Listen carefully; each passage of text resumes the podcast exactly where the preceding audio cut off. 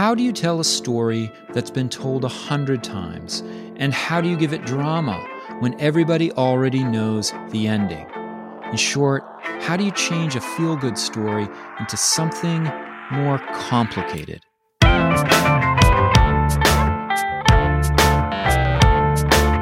It's time to eat the dogs. I'm Michael Robinson. Today, director Robert Stone talks about his film Chasing the Moon, a three part documentary which aired on PBS's American Experience for the 50th anniversary of the Apollo 11 mission. Stone talked to me in front of a live audience at Bard College after he showed some clips from the film. Thanks to Paul LaBarbera and Karayabel Azamar of Bard AV Services, who recorded the great audio for this episode. And thanks too to Paul Cadden director of the physics program, who organized the event and introduced both of us to the audience. Uh, good evening, everyone. Uh, thank you very much for uh, coming out to the Chasing the Moon event. I'm Paul Cadden I'm the director of the physics program here at Bard.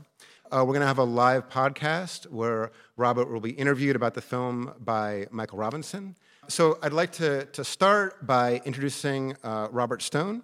So, for those of you thinking about choosing a major in college, uh, Robert was a history major at the University of Wisconsin uh, and then moved to New York City to become a filmmaker, and he's been making films for uh, over three decades. Uh, he's made seven films for the American Experience, the PBS history show, and uh, the first one of which, Radio Bikini, was nominated for an Academy Award for Best Documentary Feature. Other later films, including Oswald's Ghost, Guerrilla, The Taking of Patty Hearst, Earth Days, and Pandora's Promise, garnered uh, Emmy nominations and have been shown in theatrical release at the Sundance Film Festival on PBS and on CNN. Um, the three part Chasing the Moon a documentary is his most ambitious work. Uh, he is the co editor, writer, producer, and director of a six hour, three part PBS documentary uh, that you can still see for, for free streaming uh, online for about three more weeks. So if you haven't seen it already, you can, you can check that out. I noticed the Los Angeles Times reviewed about 10 different shows that commemorated the 50th anniversary of the moon landing this summer, and they dubbed his the most all encompassing, deep and thorough, detailed but never dull. So uh, please join me in welcoming to Bard Robert Stone.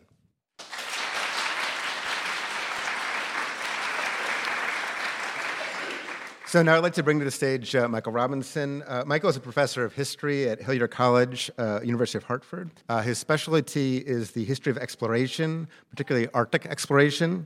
Um, his first book, The Coldest Crucible, Arctic Exploration in American Culture, was the winner of the 2008 Book Award from the Forum on the History of Science in America. And his second book, The Lost White Tribe, Scientists, Explorers, and the Theory That Changed a Continent, uh, won this year's Davis Prize in the History of Science. Uh, several years ago, he started a blog on exploration entitled Time to Eat the Dogs, so named for certain eventualities in Arctic exploration, uh, which later became a podcast that's downloaded two to 3,000 times per week. He's done over 100 podcasts uh, interviewing explorers and books about uh, authors of books about exploration. Um, but this is his first live podcast, so please join me in welcoming Michael Robinson.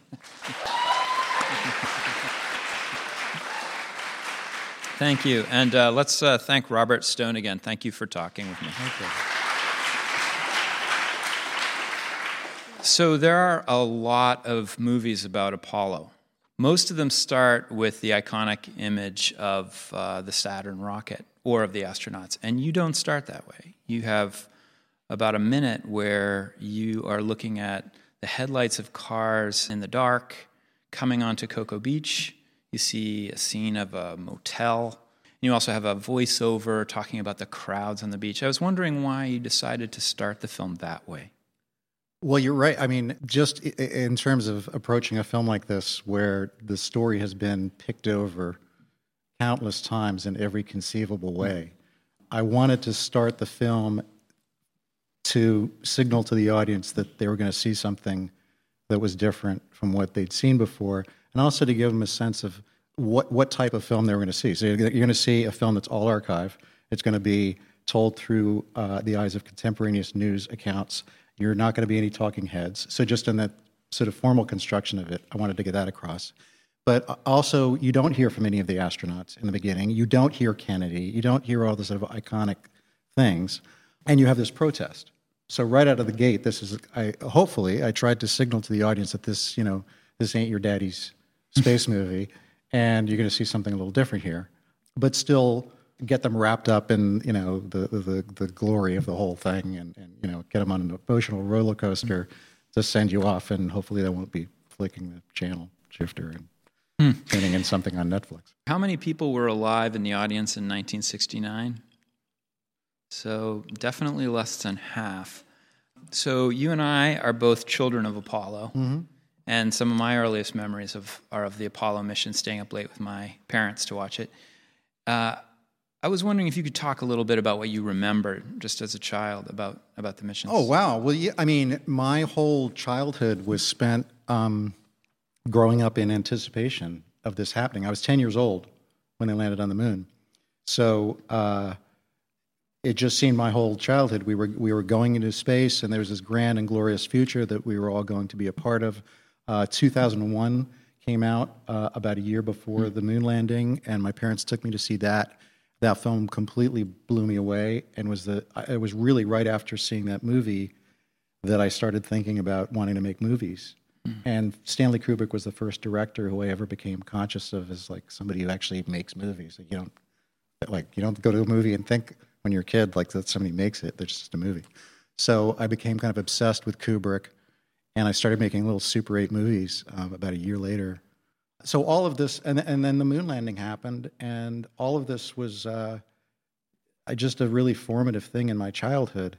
Um, in fact, the very first thing I ever edited as a piece of film was my, my father bought my mother a Super 8 movie making kit for Christmas 1969, right? So mm-hmm. this was six months after this, and and so it was a it was a little editor thing, little rewind editor, a splicer, a projector, and a camera, mm. and it came with a little Super 8 movie about Apollo 8 from NASA, mm. and so I recut the archival footage. Like I'm getting started early. I was 10 years old. I was like, so here I am doing the same so, thing. So, you know, you were you were talking earlier that you said uh, before we showed the clips that you spent five years on this film. Mm-hmm.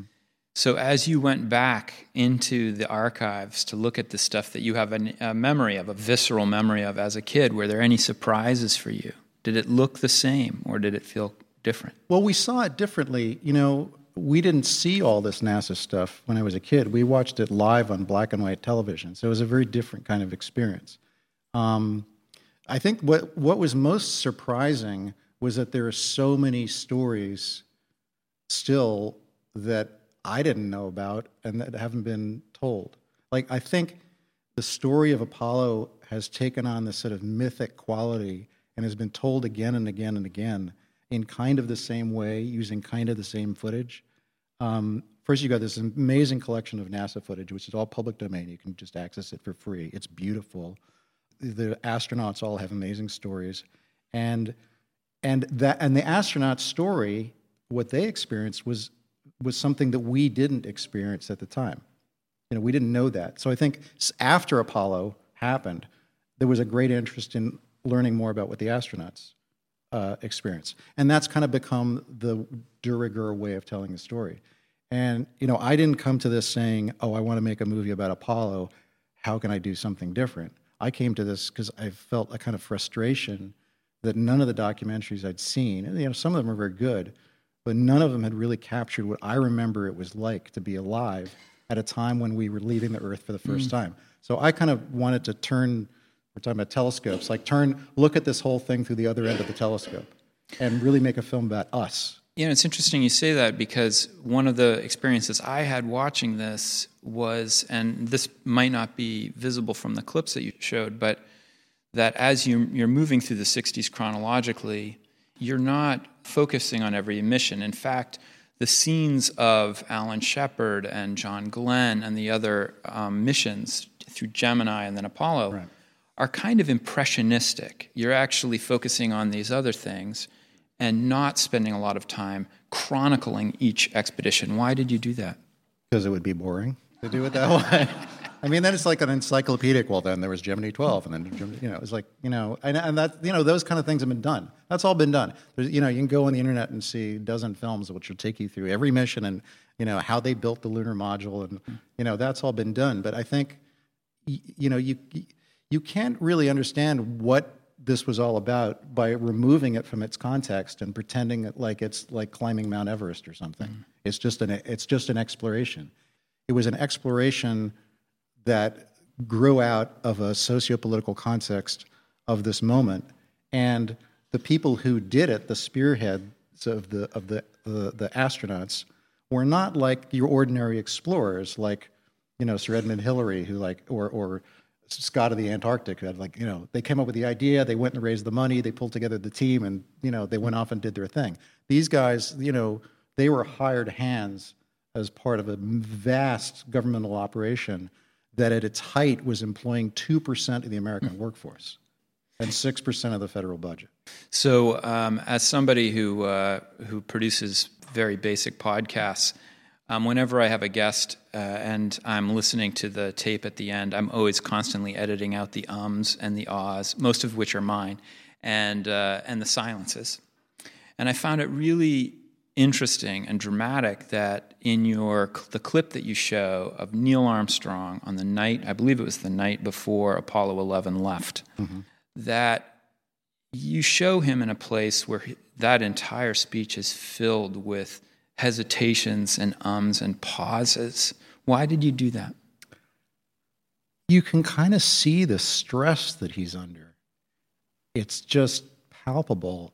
And uh, I don't know, he's a very interesting guy. He's like, I think, uh, you know, also after seeing First Man, I think there was this perception of him as being sort of almost semi autistic person, which he really wasn't. And if you see him when he uh, later in the film when he comes back he's almost transformed and you can really see you know he's like full of life and joking and you can really see the pressure that was on him i mean really the entire prestige of this country and and the, uh, the work of a decade of americans putting this faith in and really his singular effort of being able to land this thing do something nobody's ever done before um, and I just felt in that moment you kind of kind of feel the pressure on him. So a lot of your movies, and I'm thinking here of Radio Bikini and the documentary you did about Patty Hearst, um, and Hollywood Vietnam. These are all documentaries that really that they orbit around particular controversies. And I think for many people in the popular imagination, Apollo is a feel-good story. It's a story of, of inspiration and creativity and accomplishment. Was that a challenge for you? Was it a different kind of story? Or did you find ways of attaching it to other projects that you've done?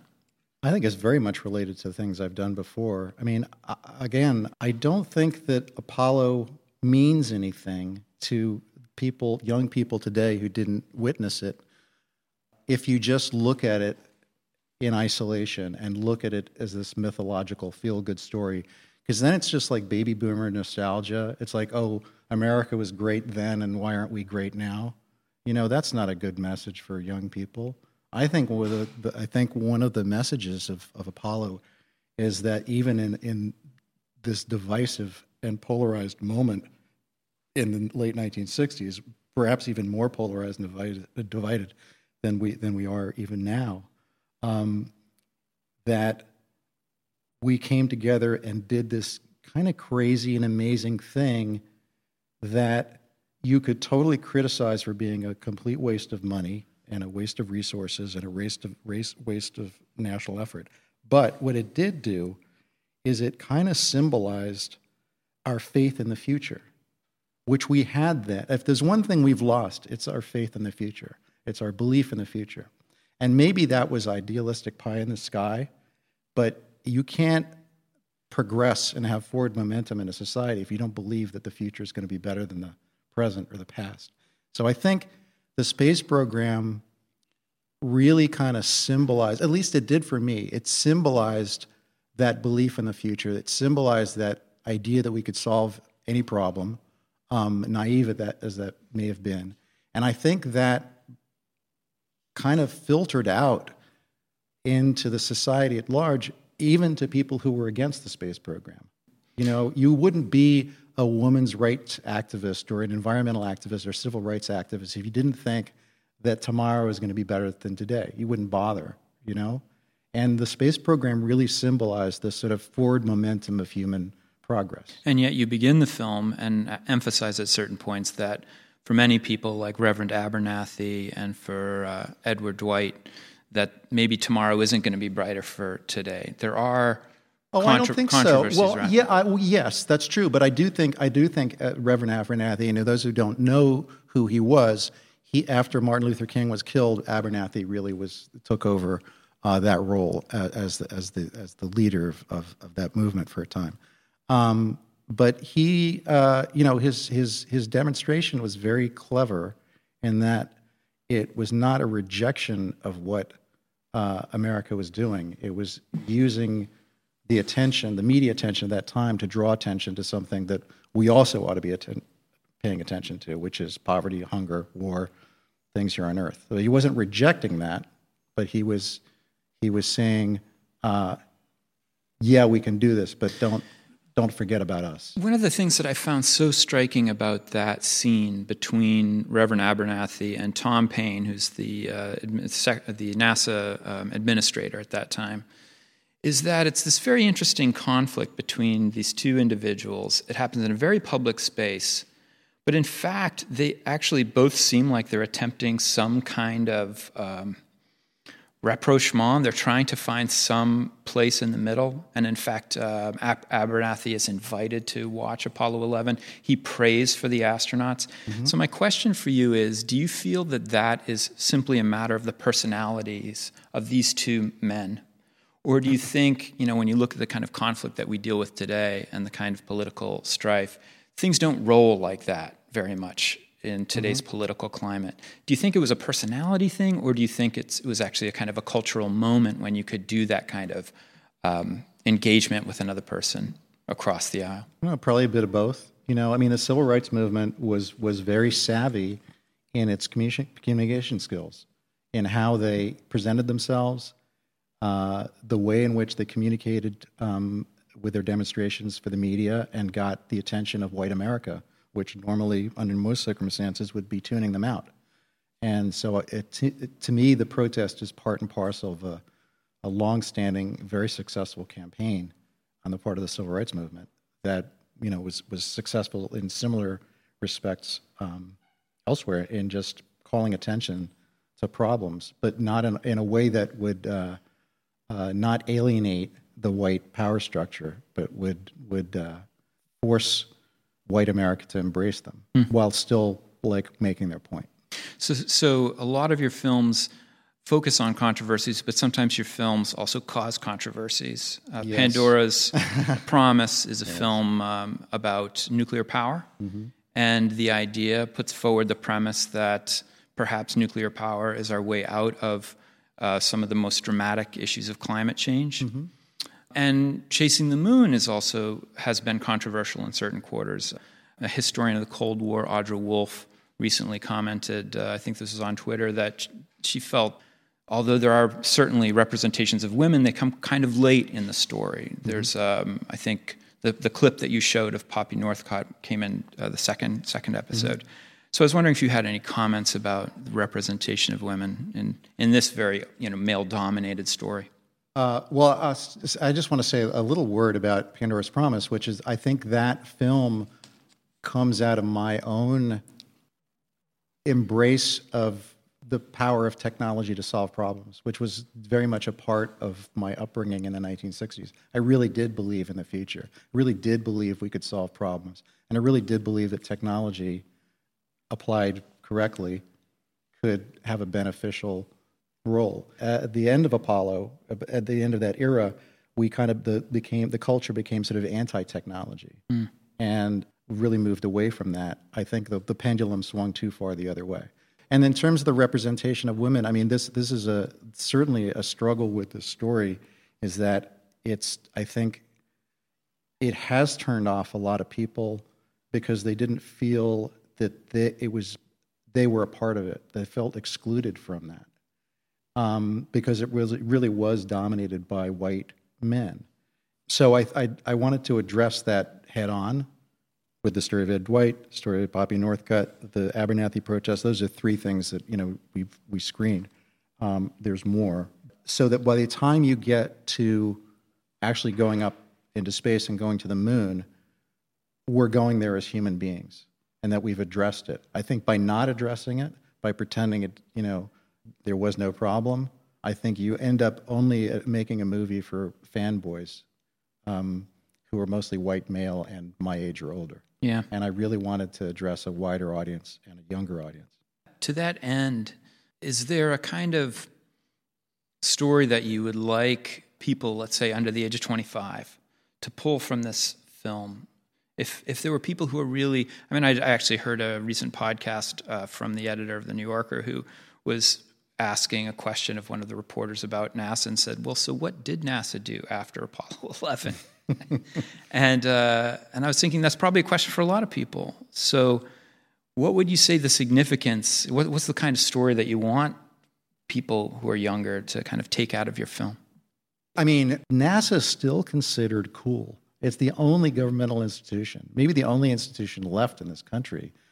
You know, kids wear like NASA patches, Apollo 11 patches. Like they're not going to be wearing, you know, EPA or know, Congress. Space still uh, provokes a sense of wonder among young people, and that sense of wonder and sense of possibility can be harnessed uh, for good and to accentuate this idea that despite all of our problems, climate change being number one that we're facing in terms of going into the future, that these problems, and that's what I addressed in Pandora's Promise, these problems are solvable, but you have to believe that they are solvable. You have to believe in the future.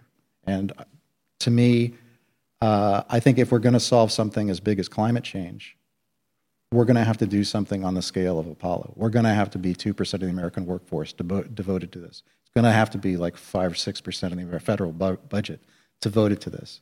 And in partnership, as, as Apollo did, government in partnership with private enterprise to come up with real solutions and to do it rapidly. To say, when, when Kennedy said, and that was a, really a primary motivation for me to make this film, you know, because I did it right after Pandora's Promise. It was an outgrowth of that. You know, when Kennedy said we're going to go to the moon before 1970, it was impossible. Nobody knew how to do it. No, the materials weren't there to do it. The the plan of the, how to do it, it was an impossible task. But by setting the goal and providing the resources, we did what was seemingly impossible. And that is part of the myth of Apollo, but it's also part of the truth of Apollo. Mm. So I think that's all part and parcel of what I think this story can offer to young people. I don't I don't see this as like, oh, let's go to Mars. I think that's silly. I don't think that's the lesson of Apollo. And a lot of people do. And a lot of people don't like me for saying that. I think the lesson of Apollo is let's get off our ass and solve climate change. Hmm. Robert Stone, thank you so much for talking with me.